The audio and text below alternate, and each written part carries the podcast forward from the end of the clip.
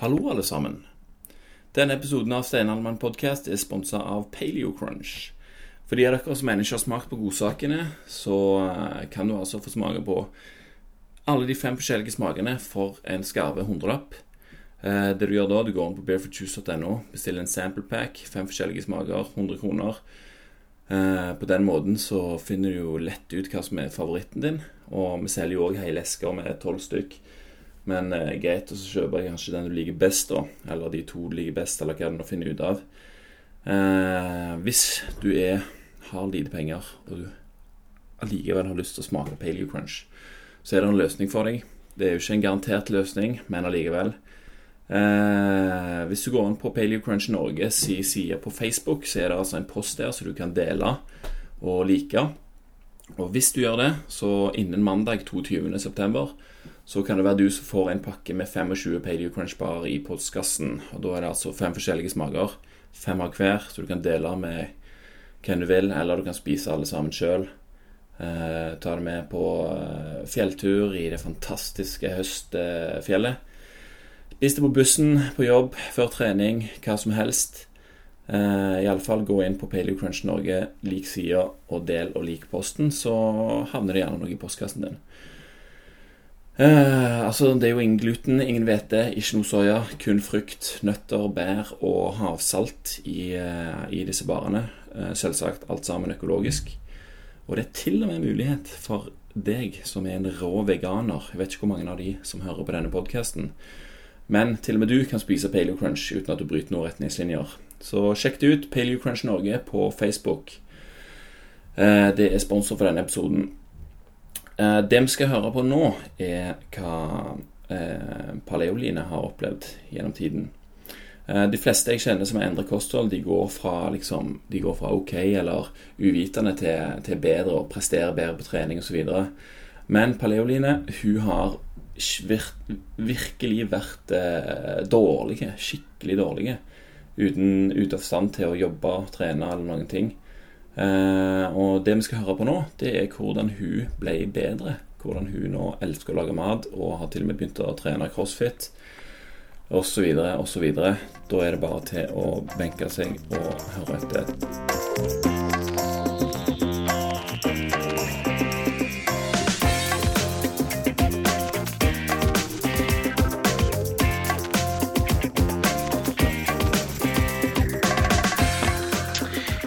Velkommen til Steinaldermann episode nummer ni. Etter en heftig runde med tekniske problemer, så er vi endelig på plass. Og jeg håper at lyden blir eh, mye bedre på denne episoden her enn den forrige. og har fått litt tilbakemeldinger på det. Men eh, gjesten i dag det er altså Line Trondrud Aanes, AKA Paleoline. Ja. Velkommen. Hei. Takk. Hei. Så kjekt at du ville ta deg tid til å, å komme eller eh, ta en telefon med meg og prate litt. Det er veldig hyggelig. Det er viktig budskap, så det tar man seg tid til. Ja, for eh, normalt sett når jeg snakker med folk som, eh, som spiser paleo eller har liksom opplevd store forandringer i forhold til kosthold, så er det bare at de føler seg bedre enn det de var. Men det var ikke noe sånn spesifikk eh, grunnen at de feilte noe voldsomt i utgangspunktet. Men du har jo hatt eh, en sykdom som du har slitt med i, i, mange år. Det har vært en lang og kråkete vei å gå. Ja. Jeg har, egentlig, nei, jeg har egentlig vært mye syk siden jeg var liten. Altså sånn barnehagealder. Hatt ekstremt mye betennelser, altså øre, nese, hals. Eh, fire til sju ganger i året. Satt på mhm. masse antibiotika penicillinkurer. Operert, satt inn dren, fjernet både falske polypper og, og vanlige polypper, holdt jeg på å si. Og vært mye syk. Altså sånn hatt veldig dårlig immunforsvar. Uh, og så kom jeg i tenårene, og da begynte jeg å bli ordentlig dårlig. Da begynte jeg å slite med søvn og mye muskel Altså mye diffuse smerter og vondter overalt som ikke egentlig klarte å, å henge på noen knagger. Og så klarte jeg av en eller annen merkelig grunn å slite meg gjennom videregående. Så jeg klarte å fullføre videregående. Det hadde jeg nok andre klart hvis jeg ikke hadde hatt en lærer som tilrettela veldig mye. Jeg jobbet både én til to dager hjemme hver uke for å slippe å dra på skolen. Fordi det var en så stor belastning. Um, så uten det så tror jeg nok ikke jeg hadde klart å fullføre. Og så fikk jeg meg jobb rett etter skolen og tenkte liksom at da ordna det seg litt. Og det var bare starten på en veldig lang, kronglete vei i Ja, i jobb. Og det å liksom gradvis bli verre og verre og verre. Og klare å holde seg til jobb. Og jeg var måned sykemeldt, så tilbake tre uker, så en uke sykemeldt.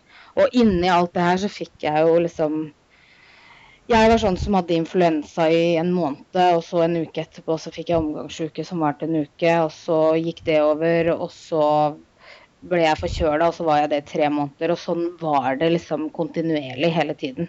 Og til slutt så tror jeg bare kroppen ikke orket mer. Så da bare kollapset den, og så ble jeg langtidssykmeldt. Um, og da Det var liksom da det begynte å bli ordentlig, ordentlig ille. Og det er vel en åtte år siden. Hvor det ble kjempe Hvor jeg ble kjempedårlig. Hvor jeg ble hvor jeg ble langtidssykmeldt og gikk over fra altså vanlige sykepenger til arbeidsavklaringspenger og ble en kasteball i systemet, rett og slett. Ja, for det var ingen som klarte helt å sette fingeren på hva, hva det var for noe, eller? Nei, det ble ikke satt noen formell diagnose før jeg var på et opptrenings- eller et rehabiliteringsopphold i en måned på Jeløy kurbad. Uh, hvor det var bare å komme inn og ha en del undersøkelser, og så var det den diagnosen, og så var det greit, liksom. Uh, jeg var ganske heldig som fikk det da, og ikke tidligere. For tidligere så var det ikke en uh, godkjent diagnose. Uh, og den diagnosen er da fibromyalgi? Før så var det bare brukt som en sånn samlebetegnelse ofte.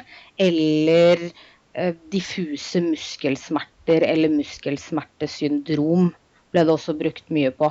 Men rett før jeg fikk diagnosen, så fikk den et eget ICD-nummer og et sykdomsnummer.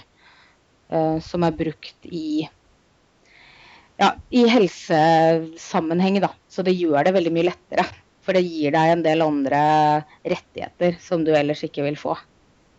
Ja, og så kan du sammenligne deg med andre som har fått uh, ja tilsvarende òg, da. Det hjelper jo litt på. Har du krav på en del ting. Du har krav på en del behandlinger, og du har krav på mye, mye medisiner på blå resept. Dyremedisiner. Jeg har jo Så etter at jeg fikk den, så kom jeg altså inn på Smertepol på Ahus. Og der var jeg tilknytta i to år. Uh, der var vi inne og satt uh, en del smerteblokader. Uh, Smerteblokader, hvordan uh, utarter det seg? Sånn veldig enkelt forklart, nå håper jeg ikke at jeg blir tatt av noen sånne leger eller sykepleiere eller noe sånt, men, men sånn som jeg forsto det, så er det samme stoffet, xylokain, som blir, som blir brukt i epidural. Uh, og ah. det de gjør da, er at de setter det intravenøst. De setter det ikke i, altså som en spinal, men de setter det intravenøst i blodet. Og så, og så går det inn i kroppen, og så legger det seg på reseptorene og neseptorene, tror jeg det heter, i ryggraden, som skal kutte signalene fra ryggmargen og opp til hodet.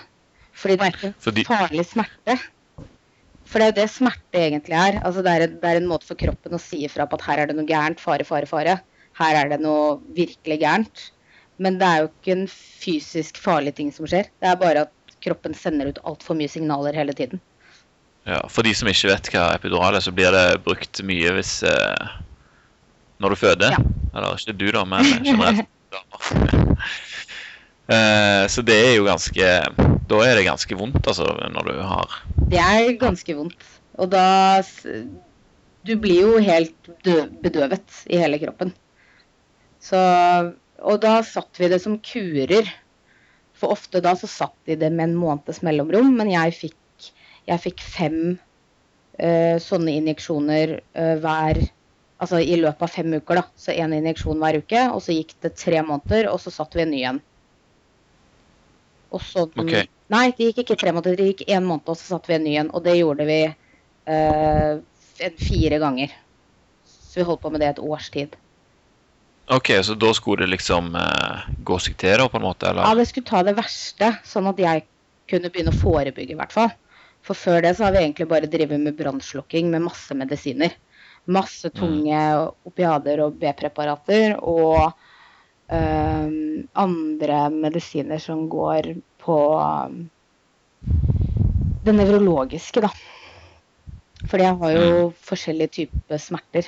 Så det er jo liksom ikke én pille som kan ordne alt. Og da var det sånn at jeg kom ut fra apoteket en gang hver tredje måned. Og det er ikke sånn som når noen andre går på apoteket og kjøper en nesespray og, og en pakke med Paracet. Jeg kom ut med bæreposer. Du vil ikke havne bak deg i køen, altså, på resept? eh? Nei, jeg var sånn kjip som brukte liksom 45 minutter. Da gikk det greit. Ja, OK.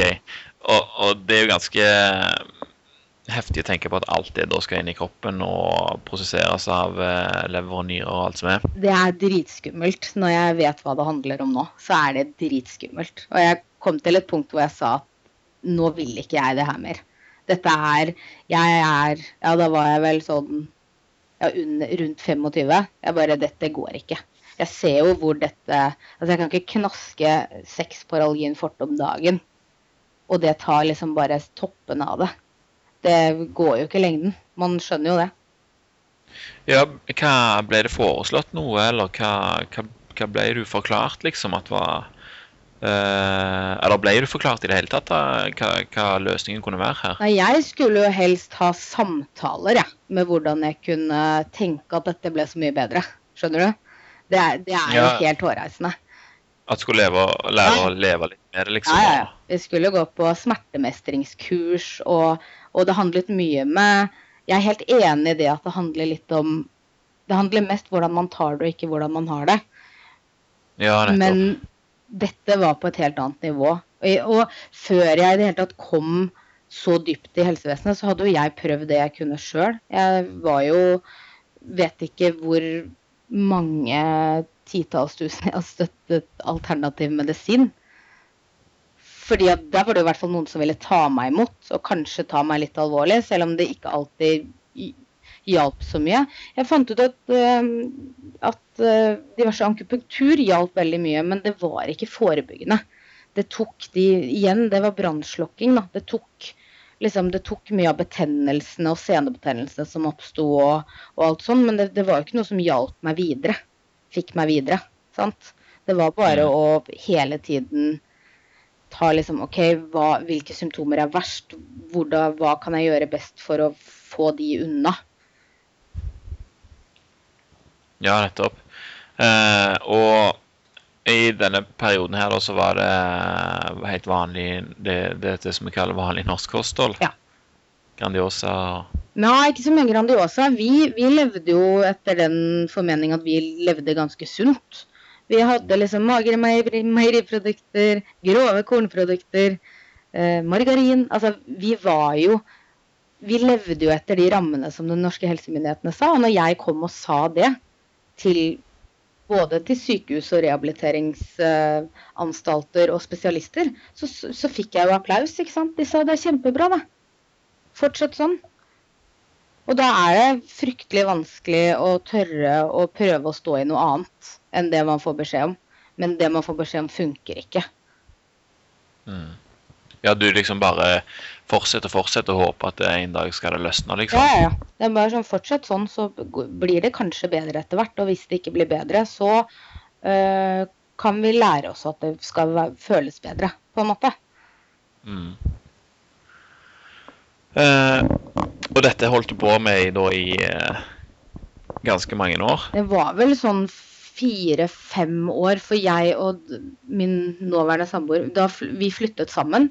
Og den våren vi flyttet sammen, det tok jo bare Jeg tror vi flyttet sammen i februar, og i mai var vel jeg heltidssykmeldt. Og da gikk jeg ut i langtidssykmelding. Mm. Og da øh, gikk det vel en sånn tre-fire år da. Og altså, det var jo Det var jo et par år inni der som var så ille at Daniel kledde jo på meg. Han tok jo på meg sokkene om morgenen og Du måtte rett og slett ha såpass mye hjelp, ja. Du må hjelpe til å kle på deg og En god dag var å flytte seg fra senga til sofaen. Og et sånt overordna fysisk mål var å gå rundt huset én gang i uka. Og klarte, en gang i uka. klarte jeg det, så var det en bra uke. Det var mestringsfølelse. Ja, og hvordan ligger det nå an i forhold til det, da? Hva, hva tid eh, Eller hva var det som skjedde som gjorde at det, det ble forandring? Nei, det var en samlegreie av veldig mye. Jeg vi, vi flyttet et annet sted, og da øh, for å komme Litt for å komme nærmere sykehuset, men litt for å komme litt nærmere familie òg. Sånn at det var litt, litt flere Hadde litt flere krykker når det ikke ble så bra. Ja, det sier jo litt da at eh, du velger å flytte nærmere sykehuset. Det er jo ikke det første folk tenker på når de skal Nei. bevege på seg. Nei, men det var viktig. Eh, og så var det viktigere å komme litt nærmere mamma, for hun var en kjempegod støtte og hjelp i den perioden. Men jeg trengte mer praktisk hjelp, da. Eh, I perioder hvor Daniel jobbet mye. Han jobbet jo fortsatt litt eh, natta, hadde nattevakter og sånn. Eh, men da kom vi vel til et punkt begge to hvor vi bare skjønte at dette fungerer ikke. Så vi kan ikke fortsette sånn. Og da, da Daniel hadde da begynt med Han har vært ganske aktiv tidligere, drevet med sykling og kampsport og litt sånn forskjellig. Men da kom han inn i crossfit-verden. Så han, han ble medlem på Blackbox i Oslo. Og da kom han hjem et par uker etter det og liksom Ja, lurte på om jeg hadde hørt noe om sånn paleo. Og tenkte kanskje at han kanskje ville snuse litt på det, da. For det hadde han hørt om der.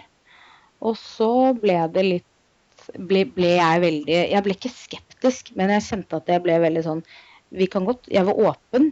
Vi kan godt prøve det, men hvis jeg blir dårligere, så må jeg bare trekke meg ut. Jeg, or jeg orker ikke å bli dårligere enn det jeg er nå, liksom.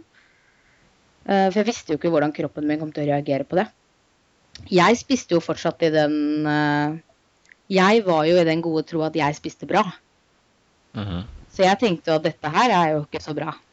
Jeg, jeg spiser jo kjempebra. Skjønner ikke hva problemet er.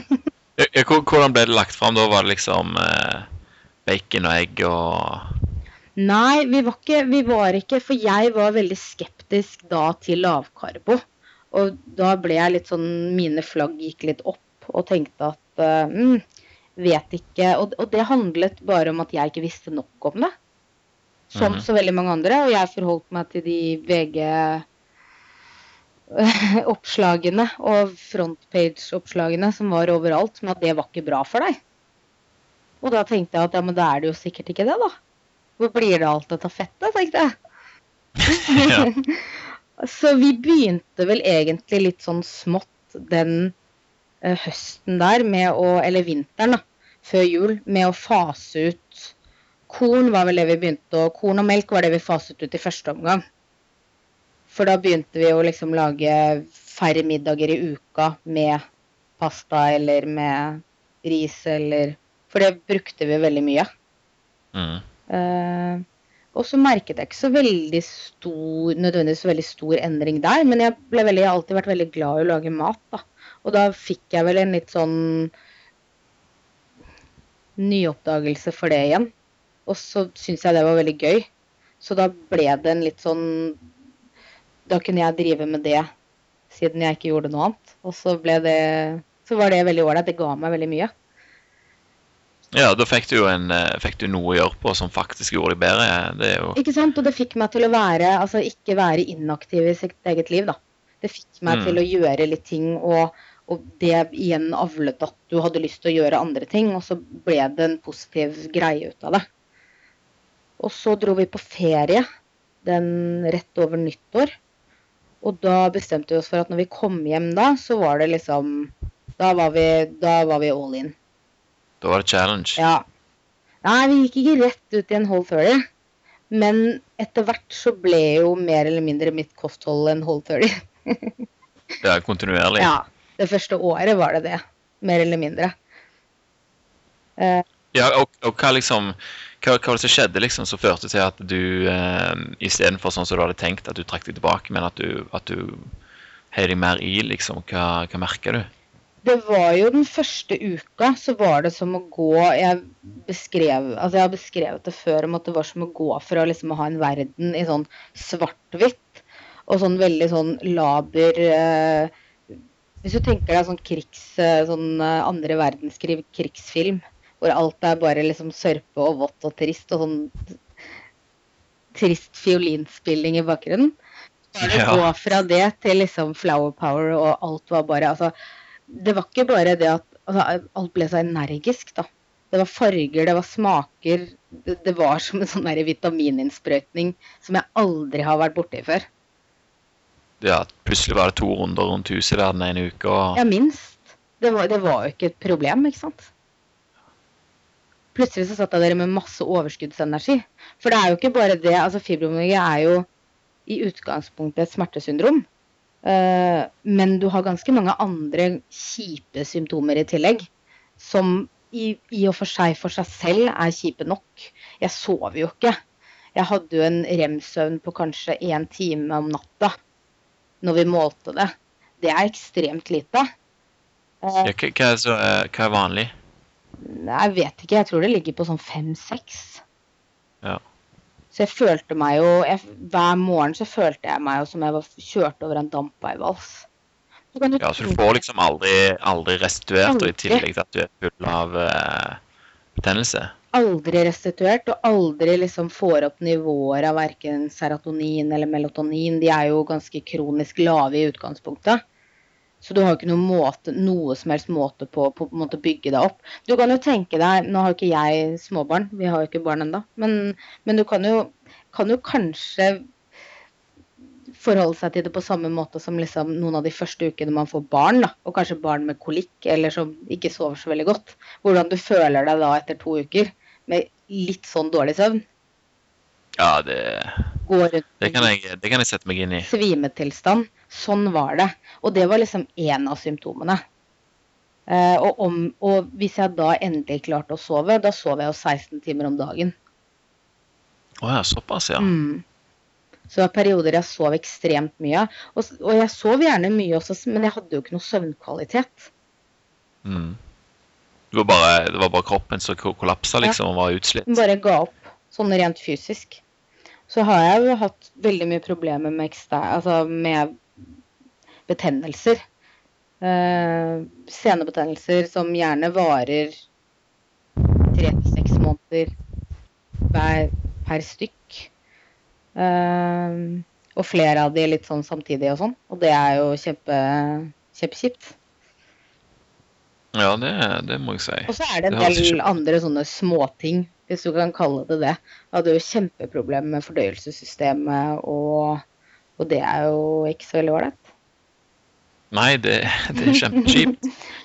Så det, det var liksom å hele tiden da gå i en sånn derre kronisk stressituasjon da, som du hele tiden fyller på med nytt stress, og så utgjør det sånn at alle de andre symptomene blir ti ganger verre. Og så bare går du egentlig en sånn der nedadgående spiral som er der konstant. Ja, og da ble altså denne her snudd litt da, når dere kom inn i dette, her, når dere kom hjem fra ferie og Ja, for jeg burde nok i en eller annen periode hatt en tilleggsdiagnose på ME. Men den fikk jeg aldri. Fordi vi orket jeg orket egentlig ikke å forholde meg til det. Det var mer enn nok med det jeg hadde. mm. Men under ferieomgangen så har du jo veldig ofte, ofte utmattelsessyndrom i tillegg. 70% av de som har fibromyalgi, har jo en tilleggsdiagnose på ME. Det er bare det at okay. smerte Hovedsymptomet er smerter, ikke utmattelsen. Men den kommer litt sånn hånd i hånd. Og på en måte syns jeg smerten har vært enklere å, å takle, for det, det er så fysisk, da. Det er verre med den utmattelsen som har kommet i, i perioder. Hvor du bare det bare, altså, Du kan ville så mye du vil, men kroppen bare den, bare den er ikke med. Den bare ligger rett ut, liksom. Det er ikke noe å gjøre. Det må bare gå over. Uten at de gjør det. Ja.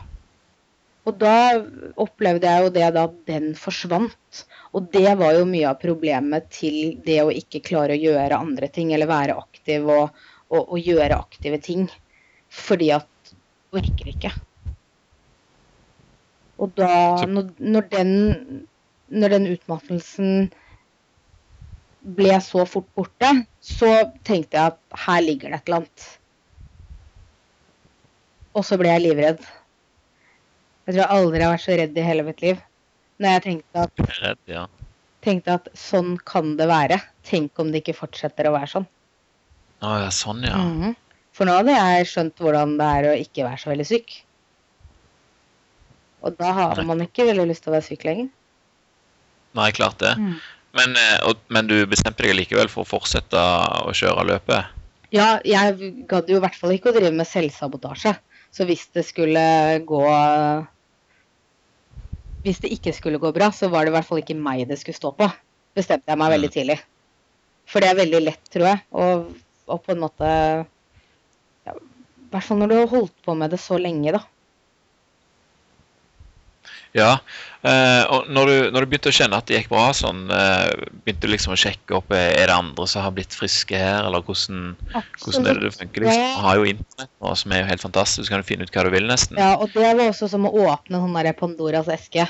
Hvor jeg bare Jøss, det er jo folk som sitter med akkurat de samme opplevelsene som meg.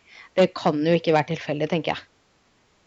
Og Nei. da begynte jeg å lese en del på Mark Sisson på Mark Daily Apple. Eh, der er det Ja. ganske mange med autoimmune sykdommer. For fibromyalgi går jo inn, inn under en autoimmun sykdom. Ja. Det norske helsevesenet mener jo fortsatt at den er revmatologisk, sånn at den går inn under en muskel-, skjelett- og bindevevssykdom. Mens Mhm. de begynner nå i utlandet å snuse litt på om kanskje dette handler om eh, en, eh, en betennelse på nervesystemet. Og da er vi også inne i en og da, da skjønner man hvorfor folk blir feilmedisinert og feilbehandlet, da. For det er to vidt forskjellige ting. ja, og så kan jeg nok skjønne godt hvorfor, eh, hvorfor kostholdet kan virke så bra, da. Ikke sant? Og det var jo det jeg begynte å lese mer om, og begynte å skjønne at ok, mye av den maten jeg spiste, det gjorde jo at disse inflammasjonene bare elsket meg. Altså, de, de levde jo på dette, ikke sant? De bodde der, liksom. Ja, og de stortrivdes. Det var jo ikke noe rart. Med all den omega-6-en og 9-en og, og kaffeinet og glutenet og Ja. Det er ikke rart det, da, at det er sånn. Og sukkeret, ikke minst. Så da var det jo liksom å gå veldig strikt. Og det gjorde jeg vel i nesten ni måneder og i, i løpet av den tiden. Og da Jeg hadde jo ikke noe fysisk aktivitet i tillegg til det her. Da, dette var bare mat. Ja. Eh, og da gikk jeg ned 20 kilo. På ni måneder. Bare Det er ganske, det er ganske heftig. Det er mye. Det er, og det er jo en sum av det er jo inaktivitet, dårlige matvaner, eh, medisiner, ikke minst. eh, som gjør at det skjer ting i kroppen, hormoner og Ja. Og da Da levde jeg vel tilnærmet et 12-30 liv i ni måneder. Men det hjalp jo ekstremt mye. Ja, Da var det liksom ingen sukker, ingen eh, korn, ingen melk. Ingen sukker, Og og ingen, ikke så mye sukker i det hele tatt. Ikke, så veldig, ikke noe særlig frukt. For det reagerte jeg på med en gang. Så da kjente jeg liksom Og da var det en sånn prøveprosess med at OK, det jeg reagerer på, må jeg bare kutte ut. Og så får vi heller takle det, på en måte. Uh, ja. ja for, for det er jo uh, uh, Jeg leste så vidt den artikkelen med deg, og der står det noe om den paleo autoimmune protocol. Ja. Hvordan, hvor, hvor er det det kommer fra, liksom? Jeg veit ikke helt hvor det kommer fra, egentlig. Men det er jo en protokoll som går litt mer ned i sømmene og eliminerer en del flere ting enn det et vanlig paleo-kosthold gjør. Da. Eh, de er veldig opptatt av å ikke spise mat som skaper inflammasjoner. Eh, I den perioden der så holdt jeg meg helt unna nightshades. Jeg vet ikke helt hva det kalles på norsk. Jeg tror det er noe sånn derre støv... Støvier... Nei, et eller annet familien. Det, Det er et kult navn, da, iallfall. ja, Nightshades høres veldig kult ut. Men det er jo da tomater, eh, paprika, chili, pepper Altså alt som har i den familien å gjøre, da. Eh, Ja. For det kan jo folk med autoimmune sykdommer reagere veldig på. Og det gjorde jo jeg òg. Jeg fikk jo sånne helt sinnssyke kramper i hele kroppen. Ja, når du spiser paprika? Ja, når jeg spiste det. Mm. Ja, for eh, jeg har eh, snakket med noen andre som har tatt sånn eh, blodtest der de sender inn, liksom, og så får de svar tilbake med, med liksom 130 eller hva det er for noe forskjellige matvarer da, som, mm. som de får liksom ja eller nei på. Og der liksom sånn Ja, så var det paprika, liksom. Hva, det hadde jeg aldri tenkt på. Og cashewnøtter plutselig og, og sånn. Det er vel litt eh, den typen eh, eh, mat som havner inn, inn under den protokollen der, da. For det er et stoff i de nightshadesene som gjør at du kan reagere da, hvis du har en nevrologisk eh, eh, sykdom. Og så er det jo ikke noe Altså, avokado utgår jo, det er jo kjempevanskelig, ikke sant. Det er jo egentlig litt krise. Og det meste av nøtter og det er, det er mye.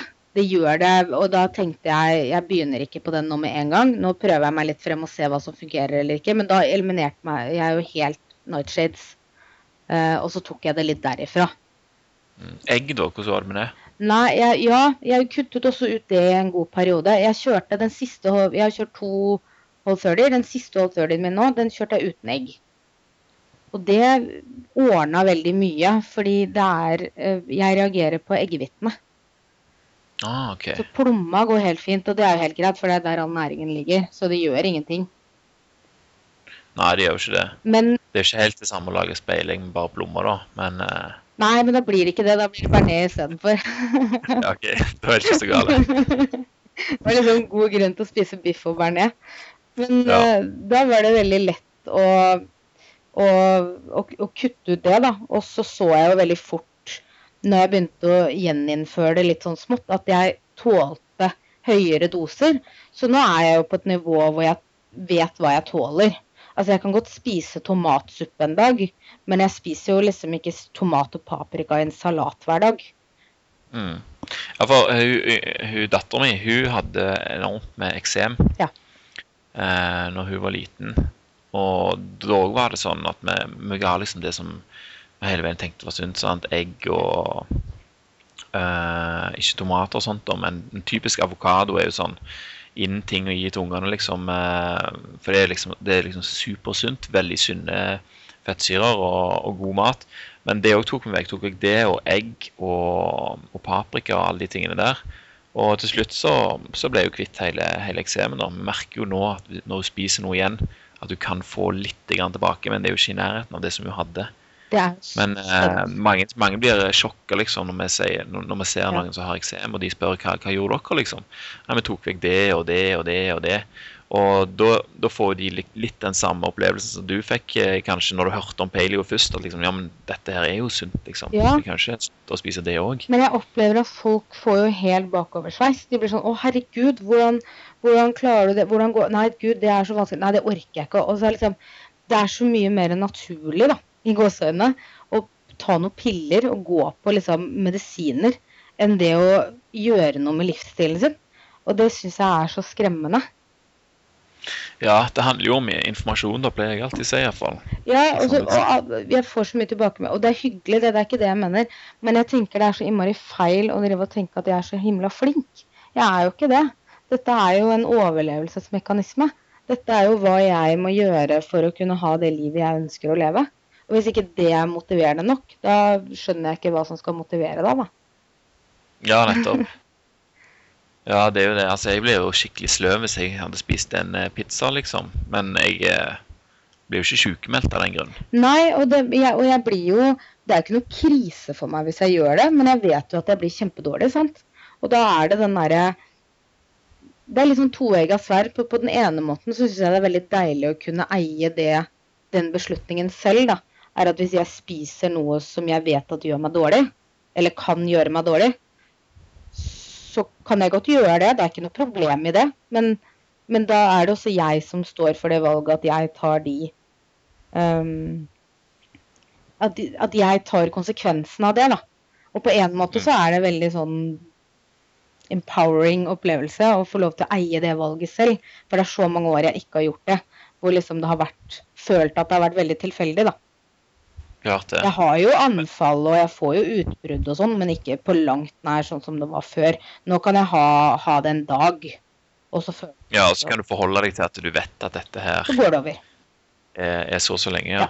Men hva, hva eh, du, hadde jo du hadde jo mye kontakt med leger og sånt eh, da når du var skikkelig dårlig. Hva Har du snakket med de seinere, liksom? Hva Det er det som nesten er litt synd, for jeg har etter så mange år med så mye leger, så har det vært så deilig å ikke måtte forholde seg til det, da.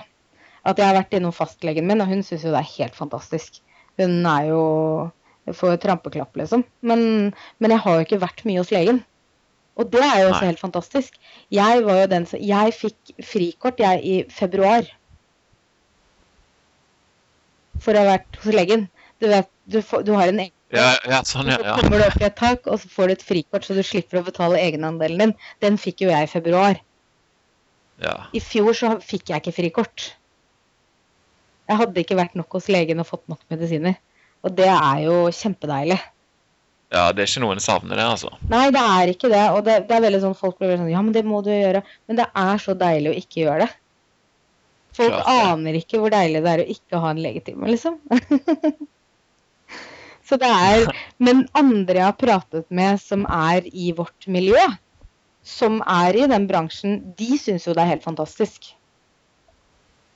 Så selv om på en Ja. måte ikke jeg har vært hos mine leger, så er jo informasjonen er jo der ute. Jeg, jeg får jo tilbakemelding på at, at folk har hørt om det via sine leger, og det er ganske spesielt. Klart det. Mm. Og eh, når du da begynte å komme altså jeg har jo sett, Du er jo i gang med trening nå. Før var det en runde rundt huset i uka. Ja. Mens, Det er, eh, det er tre, ja, tre år. To, tre år siden er vel det. Og så hva, hva tid kom du i gang med, med treninga, da? Eller hva, hva var det var det liksom, ok, Nå føler jeg at jeg har nok energi til at eh, jeg kan bruke noe av det på, på trening og se hvordan det går. Ja, problemet, eller problemet i gåsehudene var at jeg følte at jeg hadde for mye energi. Jeg hadde overskuddsenergi. Altså jeg satt der og liksom Herregud, jeg må, jeg må klare å få et utløp for den energien her. For jeg var jo ikke vant til å ha mye energi. Så jeg ble liksom stressa av det. Stressa meg sjøl opp. Eh, Så da begynte vi egentlig bare å holde på hjemme. Daniel satte opp en del økter uh, ut ifra hva han kunne Daniel er jo nerd, så han går jo inn Alt han gjør, gjør jo han ordentlig. Så han har jo lest ganske mye og funnet ut ganske mye før han begynte, og mens han har drevet med crossfit. Så da satte vi opp en del enkle eh, kroppsvektøvelser. Vi kjøpte inn et par kettlebells, og det var liksom det. Så tok vi bare til bruk. Da bodde vi i en 46 kvadratmeters leilighet. Eh, og jeg hadde trening i hagen. Med bilvei og gå fotgjengerfelt rett utafor stueromsdøra. Det er herlig. Så det var veldig fint, og det var veldig gøy. Og så ble jeg bedre. Og jeg, altså, det som var så gøy, da, var å se hvor fort jeg ble sterkere og bedre. Jeg kom jo fra et par Altså bare et år tidligere hadde jeg problemer med å holde vannglasset mitt. Jeg måtte sette det på sofaen og ha sugerør. For jeg orket ikke å sitte og holde et vannglass. Og nå svingte jeg liksom 12 kilos kettlebells som det var ingenting. Jeg ser for meg at du nesten jubler mens du gjør det. Ja, vi gjorde jo det etterpå, ikke sant. Det var jo det var nesten så Daniel sto der med norske flagg og og sånne kubjeller. For det, det var jo helt fantastisk. Og så begynte vi å trene litt sammen. Og så ble jeg litt sånn Og så følte jeg at jeg hadde mer potensial enn det, da. Eh, Så da eh, meldte jeg meg inn på mitt eh, lokale treningsstudio. Ganske lite treningsstudio, hvor de kjørte noen crossfit-inspirerte timer. De får jo ikke lov å kalle det det, men de kalte det noe hit eller Ja. Det var høyintensitetstrening, i hvert fall. Ikke sånn type høypuls, for det har jeg jo prøvd før, og det er jo helt forferdelig. Da klarer jeg jo ikke å gå dagen etter. For det er nettopp det. Jeg har jo trent veldig mye tidligere, veldig mye forskjellig. Jeg har jo vært medlem både på de, alle de store kjedene i mange, mange år. Og til tider trent veldig mye. I gode perioder har jeg jo trent mye. Men jeg har aldri trent styrketrening, da. Og hvis jeg har trent type styrketrening så har det vært veldig, veldig mye repetisjoner med veldig lite vekt. Og det Ja, typisk sånn saltimer. eh. bare saltimer, egentlig. Uh, og dette var jo saltime, dette òg, men her ble det liksom Og så var det veldig Jeg har liksom alltid vært treigest og svakest og dårligst. Og så gikk jeg fra det til å liksom være Ikke være det lenger. Og det var jo en fantastisk mestringsfølelse. Og det, det ga jo på en måte mer vilje til å, å gjøre mer òg. Så da fortsatte, fortsatte jeg med det, og så flyttet vi. Og så, jo, så begynte jeg på noen lørdagstreninger på Blackbox, for de hadde åpen gym på lørdager. Og så syns jeg crossfit var veldig kult. Det liksom, Jeg følte at jeg fant min greie. Og av en eller annen merkelig ting, det er jo det jeg har vært minst støl av. Og minst gående i kroppen dagen etter. Ja, i forhold til saltimer og sånn. Ja, i forhold til både saltimer og løping og høyintensitet og høypuls og trening med lave vekter, sånn type bodypump-opplegg og sånn. Så i begynnelsen var det helt grusomt. Men nå spiller det ikke noe rolle egentlig hva jeg har gjort. Og så flyttet vi til Moss, for her er Daniel fra familien hans. Og så byttet vi den lille toromsen til et uh, fint rekkehus. Det, er- det er fordelen med å flytte litt eh, ut av byen, altså. Og satt igjen med litt ekstra. Ja. så da kunne vi kjøpe en bil til, og det gjorde det veldig mye enklere, da. Så da var det jo veldig dumt å ikke gjøre det, skjønte vi jo. Så var det litt på tide å få litt større plass. Og da er det jo crossfit-gym her hvor jeg bor. Så da ja, de har nettopp åpna der, eh, har de ikke det? Eller det er ikke så lenge siden, iallfall. Moss åpnet vel for ja, Hvor lenge siden er det, da? Er det, jeg lurer på om de åpnet i høst, ja. Høst Mm. Eller i vinter. Og så har du CrossFit Sarpsborg, som jeg har vært veldig mye på i, i um, sommer. Og der er det jo superbra. De åpnet vel noen måneder etterpå, tror jeg. Nå må ikke noen arrestere meg for det her, men jeg tror det er riktig når de åpnet sånn i forhold til, i forhold til hverandre. Jeg er ikke helt sikker på når det er. Ja, det var iallfall en røys med crossfit-bokser som åpna rundt den tida der. Ja, og så kom CrossFit Plankebyen, som er i Fredrikstad. Og de kom nå i ja, vår, tidlig sommer. Åpnet de. Så nå er det liksom en trio her nede. Det er veldig gøy. bra. Ja, for det gjør det vel nok litt til at det blir litt, litt sånn kameratslig konkurranse. Også, og at man på en måte hever nivåene litt. Og, og så blir det et community, og det er kult. Ja, det er kult. Ja. Da sprer jo alle gode, gode erfaringer seg veldig lett, da. Absolutt. Og så er det Kjenner igjen folk og Det er liksom jeg, det, det var noe av det som tok meg med det crossfit-miljøet i begynnelsen. Det var jo den derre åpenheten. Det at liksom du er del av en gruppe, og det spiller ikke noen rolle hvem du er, eller altså hvor god du er, eller her er liksom alle velkommen og blir tatt veldig godt imot og veldig godt hånd om, da. Mm, blir fulgt opp. Og, men det, det som jeg liker veldig godt, er jo at det, du får satt treningen sammen med kosthold på en sånn fin måte. Ja. Og så Det blir liksom lagt fram som OK, dette er forslag til hva du kan gjøre for å få enda mer ut av det. Ikke sant? Og så følte jeg jo at når vi flyttet, så tenkte jeg nå skal jeg ligge i en litt sånn lav profil med det kostholdet. Nå skal ikke jeg bli hun der på, i boksen som, som liksom kan oppfattes som vet bedre. Jeg, jeg gjør jo ikke det, men, men, men jeg er jo nerd, ikke sant. Jeg er jo lidenskapelig opptatt av det. Så hvis folk putter på en femøring, så prater jo jeg for en hundrings. Ja, jeg vet ikke hvor mange ord jeg har sagt nå. Nei, men sånn er det. Ja, ja, det er sånn det er. Det som er herlig med folk som er lidenskapelige. Det Det trenger ikke å si så mye. Så jeg lå veldig lavt i begynnelsen. Og så liksom begynte det kanskje å rusle litt. Og så var det vel en som kom og spurte meg om jeg var hun Paleoline på Instagram. Og så ble det litt sånn ja, ja, ja jeg er jo det. Eh, det er fortsatt litt rart, men, men det er veldig hyggelig. Eh, og så begynte det en ny trener på Moss. Og han var dritstressa, for han flyttet fra Han og samboeren flyttet fra Statene. Og de spiste jo strikt paleo. Og da ble jo han kjempestressa, for han visste jo ikke hva, hva han skulle Hvor han skulle få tak i ting. Så da Ja, ja. ble det veldig naturlig å prate om det da.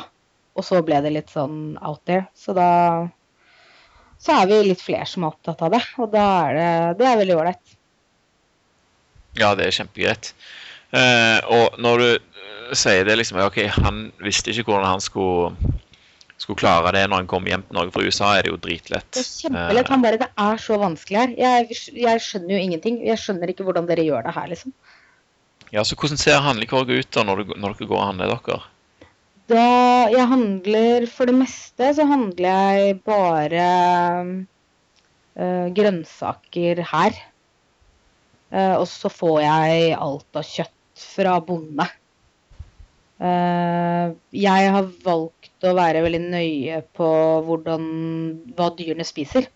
Fordi, fordi jeg er så innmari sensitiv. Så hvis jeg spiser eh, vanlig, konvensjonell uh, kjøtt som kommer fra de store produsentene i, i hopetall, så blir jeg dårlig av det. Da reagerer kroppen min på det. Så det er veldig viktig for meg hva, hva dyrene har spist, for å få en best mulig fettsammensetning. Ja. Det er jo ikke sånn at jeg klarer å merke på kroppen hvis jeg spiser. Jeg bare vet at det er bra, liksom. Ja. Så jeg velger jo det sjøl. Men jeg merker det jo sånn at jeg blir dårlig. Ja. Så da er det det vi prioriterer. Jeg skulle ønske jeg var flinkere til å spise mer økologisk.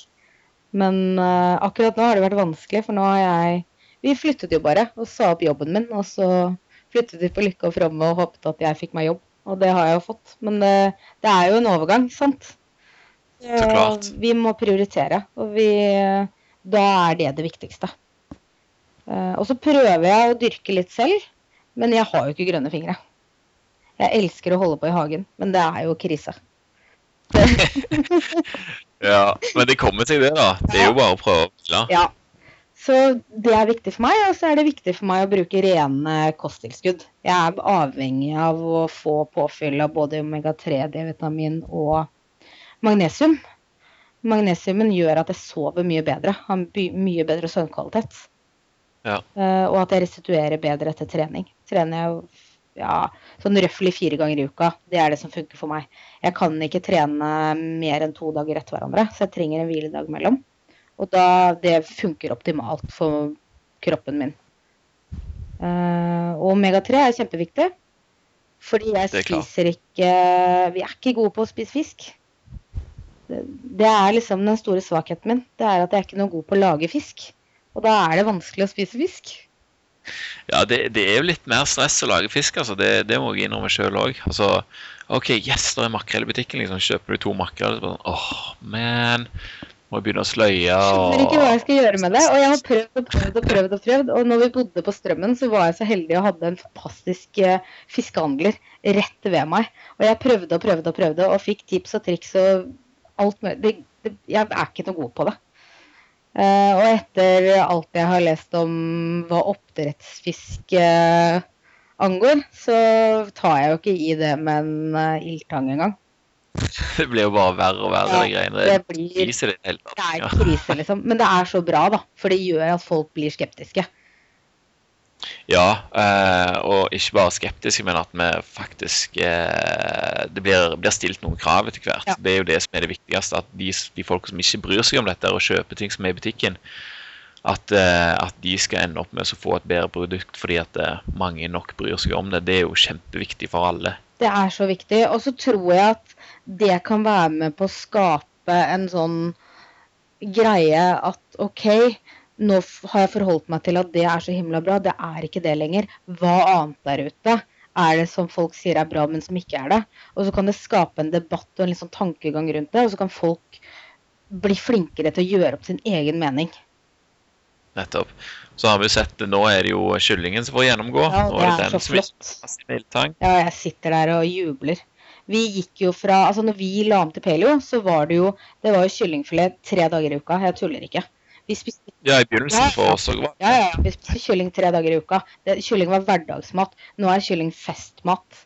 Det er det vi har minst. Uh, og når vi har det da, så er det virkelig Da slår vi på stortromma.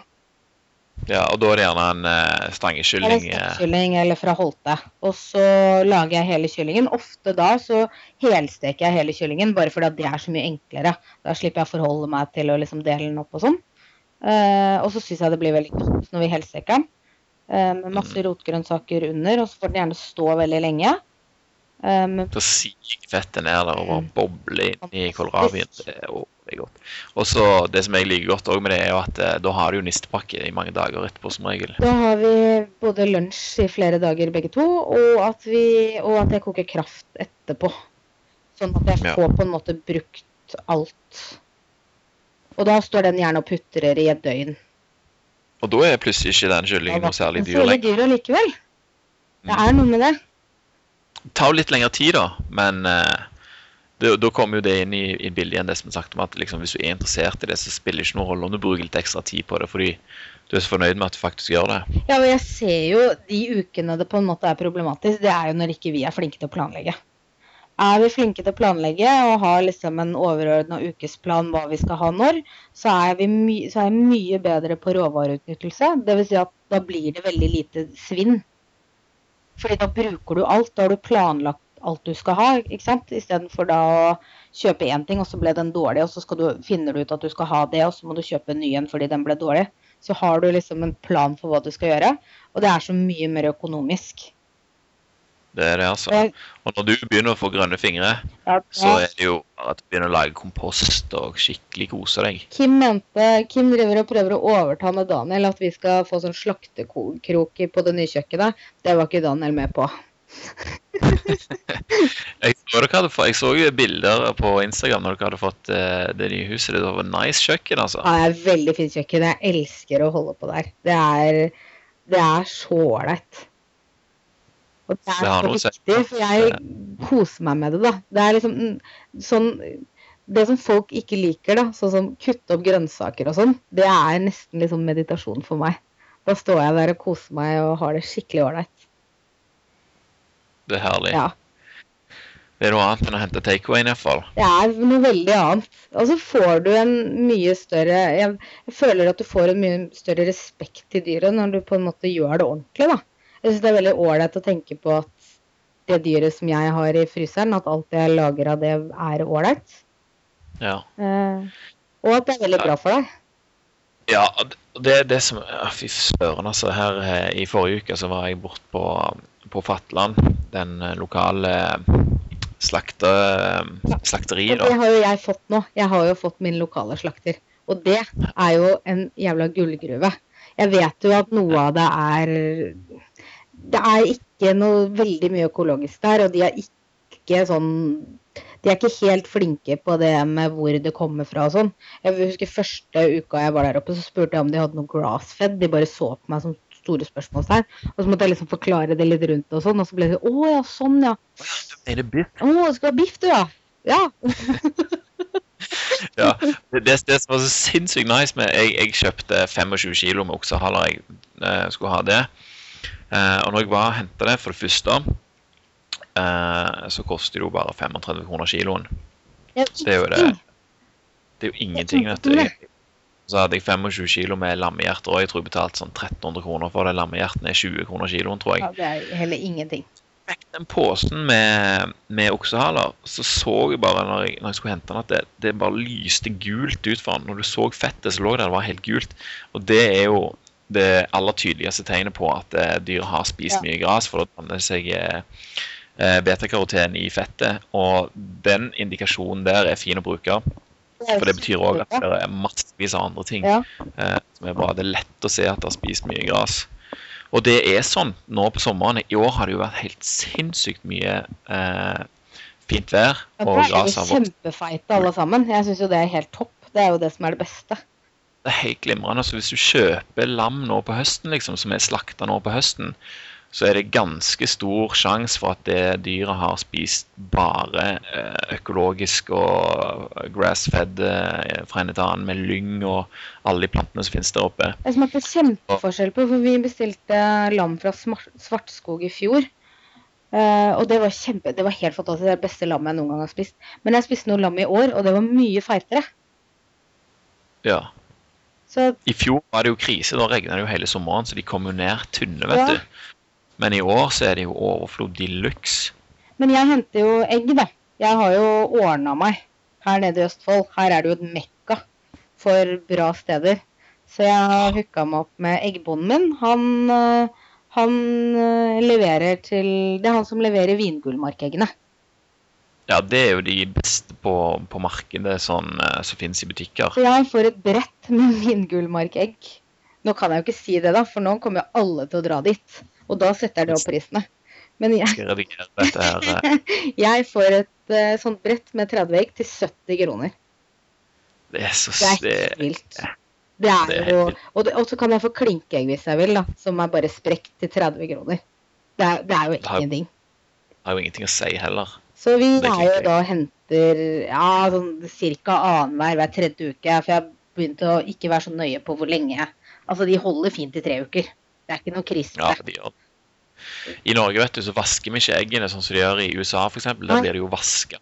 Eh, og da mister jo egget den der hinna som eh, sørger for å holde de ferske. da. Ja. Så jeg har de bare stående på benken. Det er så Ja. mange som kommer til meg og bare 'Å, herregud, kan du ha det?' Ja, det, de, Råtne egg på benken. ja, men de er jo Nei, for de er ikke i kjøleskapet i hønsehuset heller. Så jeg kan ikke helt skjønne hva det skal ha å si, da. Men det er litt sånn når vi kommer og henter, da, så kommer jeg liksom og henter åtte egg, åtte brett. For da har jeg jo med til noen andre, og det ser jo ut som vi skal spise, bare spise egg. Men det er helt topp. Og han har jo da melk òg, så jeg kan få tak i fersk melk der. Men jeg tåler det jo ikke. Så det blir litt sånn Jeg ser ikke helt poeng. Vi har prøvd, men jeg reagerer like mye på det, så det er liksom ikke noe vits i. Og Daniel er ikke så veldig glad i melk, så det er ikke noe, det er ikke noe krise. Mm, Har du prøvd å syrne det? sånt? Nei, jeg har ikke det ennå. Jeg tenkte jeg skulle gjøre det nå etter hvert. Vi har en sånn to do-list, og på den så står 'lage egen kefir'. For det syns jeg er så godt. Ja, det, det er sinnssykt godt. Uh, Men- men det er litt stress òg. Ja. Det, det må jeg si. Men, eh, men det er jo ikke så gale heller. Men jeg må prøve eh, det ut. Ja, når jeg begynte på, på Paleo, så slutta jeg jo bare å drikke melk. Så Ja. da blir det liksom sånn reintrodusert litt som, som noe ekstra, liksom. Jeg føler ikke jeg har det behovet for å ha melk lenger, men det er sinnssykt digg med, med noe skikkelig god kefir, altså. Jeg det, hvis jeg skal skeie ut litt, hvis du kan kalle det det Jeg liker egentlig ikke å kalle det men da er det liksom ost. Det er stor svakhet. Ost og is. Da Is, er det fest i heimen. Lager du is sjøl, eller? Ja, innimellom. Men ellers så har jeg kjøpt litt sånn ålreite kvaliteter. Vi har jo en del isprodusenter her i Østfold som lager i hvert fall Er i hvert fall litt kortreist. Er jo proppa med sukker, men allikevel. Er veldig godt, da. Det er jo det. Ja. Det skal ingen kunne si noe imot. Det er lov. Det er, det er greit imellom. Innimellom. Men det går nok et halvt år mellom hver gang. Det er halvt år mellom hver is. Ja, det er, ja Det begynner å liksom ta så lang tid, fordi det må gå så lang tid før hjernen min husker hvor dårlig jeg blei. Den er jeg med på, altså. For det Smellen igjen, og så bare Nei! Og noen ganger så er det verdt det, og noen ganger så er det ikke det. Og så, og så blir man ferdig med det, og så går man videre. Ja. Men eh, eggebonden min har i hvert fall Han har jo melkekyr, og de får jo ikke De får hovedsakelig gress, men de får litt biodynamisk fôr og så det er i hvert fall ikke proppa med soya og mais. Ja. Han lager det sjøl, så da er det liksom greit. Og så er de økologiske, og så syns jeg Jeg liker veldig tanken på at den kua har, har melka og hatt et ålreit liv der. Og så skal den liksom istedenfor å bare bli slaktet og kastet, liksom, så er det bedre å benytte seg av det. Klart. Helt klart. Iallfall hvis det er en bonde som gidder å ta seg tida til å Ja, han er helt fantastisk. Så det er helt topp. Vi snakket om at vi skulle fôre opp en kalv og bare på gress. Som vi kunne få til spisekalv, så vi tenkte vi skulle gjøre det òg. Det er gøy. Ja, det er veldig ålreit. Kan jeg komme og hilse på han og Hva skal han hete? ja, Det veit jeg ikke ennå. Kanskje jeg må ha, må ha noe Jeg må kjøre en Instagram-greie på det, tror jeg. Vi finner på et fint navn. Ja, det går nok sikkert fint. Ja. Så hva, hva er liksom planene framover nå, da? Hvordan, eh, hvordan ser du for deg at det... Nei, nå har jeg jobbet nesten fullt i, i sommer, og det har gått liksom over all forventning. Så det er jo et kjempestort skritt.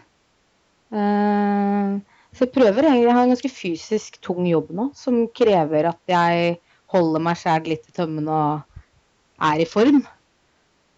Eh, jeg jobber på en kjøkkenbutikk som gjør at jeg trenger å løfte tunge jerngryter ned fra bakken og ti meter opp, i, opp under taket. Og Såpass. det er mye fysiske løft og tunge løft som er viktig at jeg holder treninga ved like. Og, og så må jeg jo trene såpass mye at jeg snart tar igjen Daniel i alle skvottene.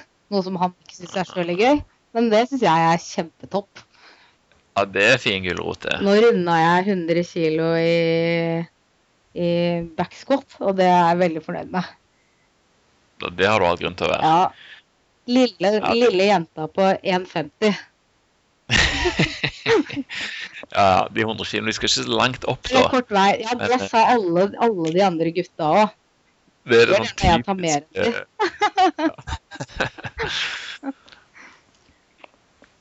Nei, så det var helt topp. Så jeg Det er vel egentlig bare å fortsette å Ja. Fortsette å utvikle seg. Det er liksom en evig prosess. Det er det jeg syns er så ålreit med det. Ja, fordi du liksom Jeg lærer noe nytt hele veien, og miljøet er så åpent for å lære nye ting. Og prøvde ut litt resistent stivelse, og på meg så fungerer det utmerket. Ja. Så det er spennende. interessant det der med resistent stivelse. Det, Ja. det, det er veldig interessant. Det er veldig kult. Ja, jeg Vi snakket jo litt med Pål Jåbekk om det. Han forklarte det. Hvis folk lurer på det, så kan de sjekke ut episode nummer uh, Nummer tre, tror jeg det. er, ja. To eller tre. Mm. Men han er jo resistent stivelse-guru. Han er jo et oppslagsverk. på blant annet det. Ja.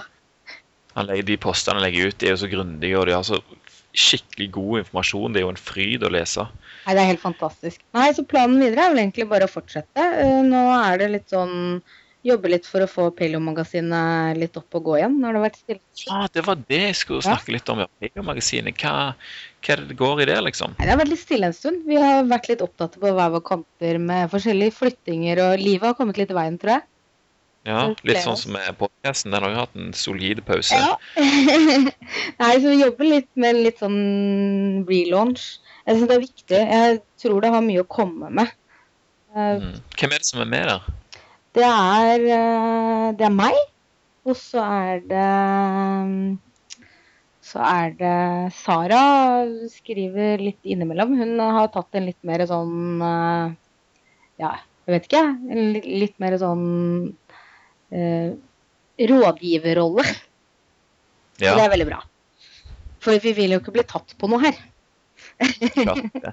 Nei, det, det, er jo litt, eh, det er jo litt risky å, å gi råd og sånt ut i Det er veldig skummelt. fra, fra egne erfaringer bare, og liksom det som du har lest og sånn. Så det er jo veldig viktig at vi har god informasjon, og at mye av det blir lagt, lagt fram som forslag, liksom, ikke oppskrift på at, eh, at sånn, eh, sånn kommer det til å funke for deg, liksom. Ja, Det er derfor jeg syns det er så spennende òg. For alle vi driver jo liksom med paleo på vår egen måte. Det er jo ikke, det er jo ikke én mal, og så er liksom alle innunder den. Vi gjør det veldig forskjellig.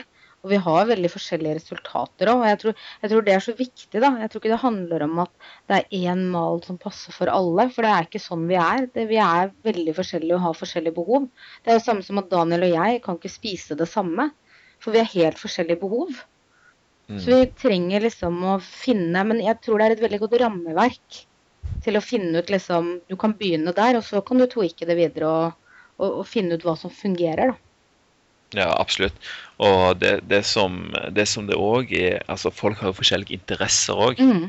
Så hvis du først blir litt interessert i dette, her, liksom, så bygger du seg videre. Sånn, ok, Hva med, med vanlig mat som blir eh, produsert liksom, fra prior osv.? Hvordan eh, påvirker det miljøet, f.eks., og alt dette her?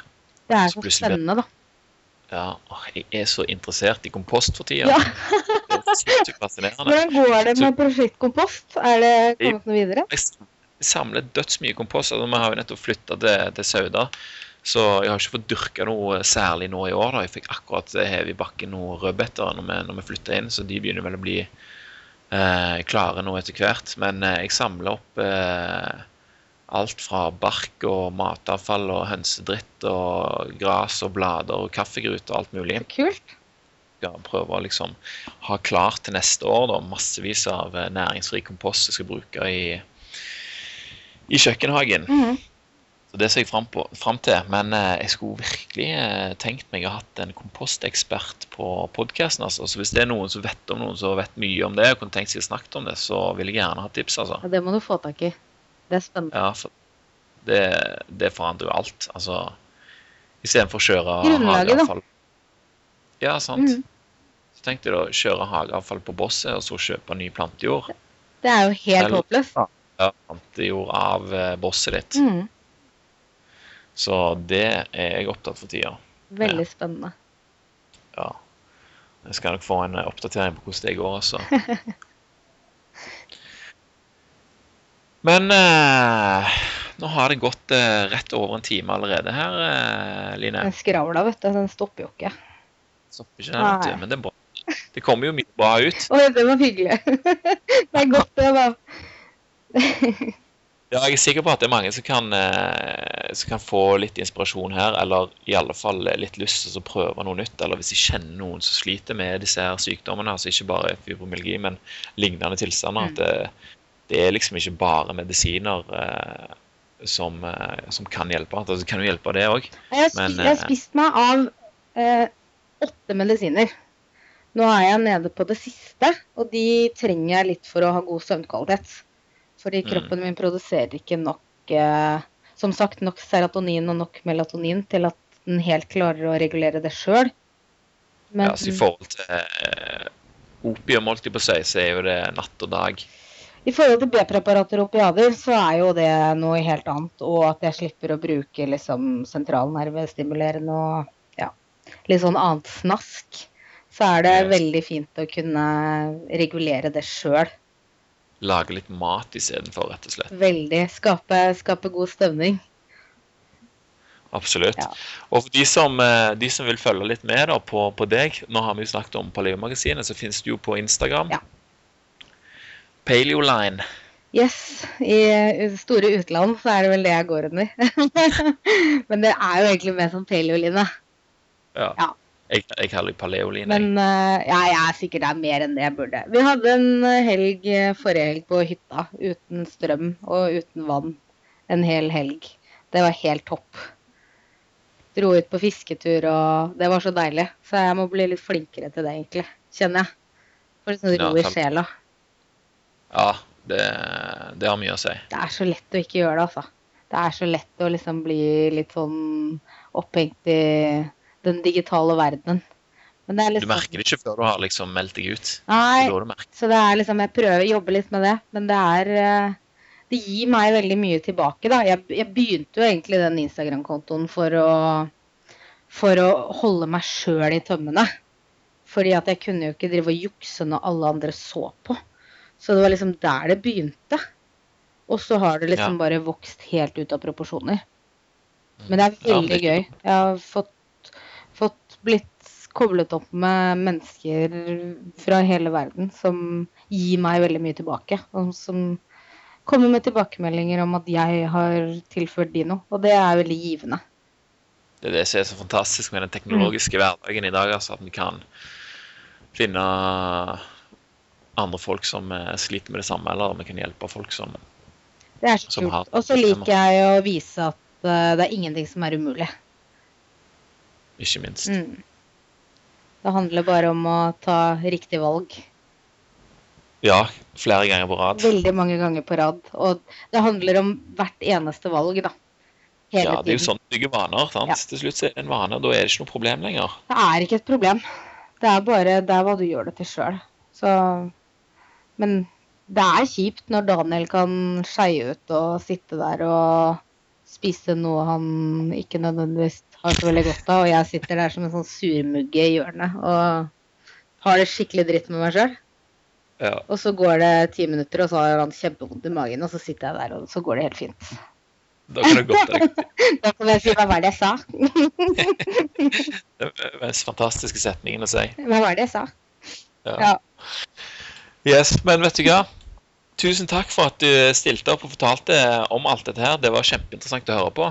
Og vi gleder oss til å høre og følge med på fortsettelsen på hvordan dette her går. Det går veldig bra, håper jeg. Nå har det gått to år. Tenk så mye jeg har utretta på to år, da. Tenk hva jeg kan gjøre om fem år. Nettopp. Eller ti. Det som er spennende med å følge med på, det er det som er spennende også med dette her, for det er såpass nytt at vi vet liksom ikke helt hva, hva som kommer ut av det, og det forandrer seg hele veien og sånn. Ja, det er så Så det blir kjekt å, å følge med på. Ja. Og så blir det òg kjekt å se om du klarer å overgå Daniel sine PR-er i diverse squats. Du må jo det. Han sier det med 90 glimt i øyet og 10 uh, sannhet. Redsel. Ja, redsel. Ja, men det er kjempebra. Du får ha tusen takk for at du stilte opp, og så snakkes vi plutselig igjen. Bare hyggelig. Takk for meg. Mm. Ha det, ha det. Ha det.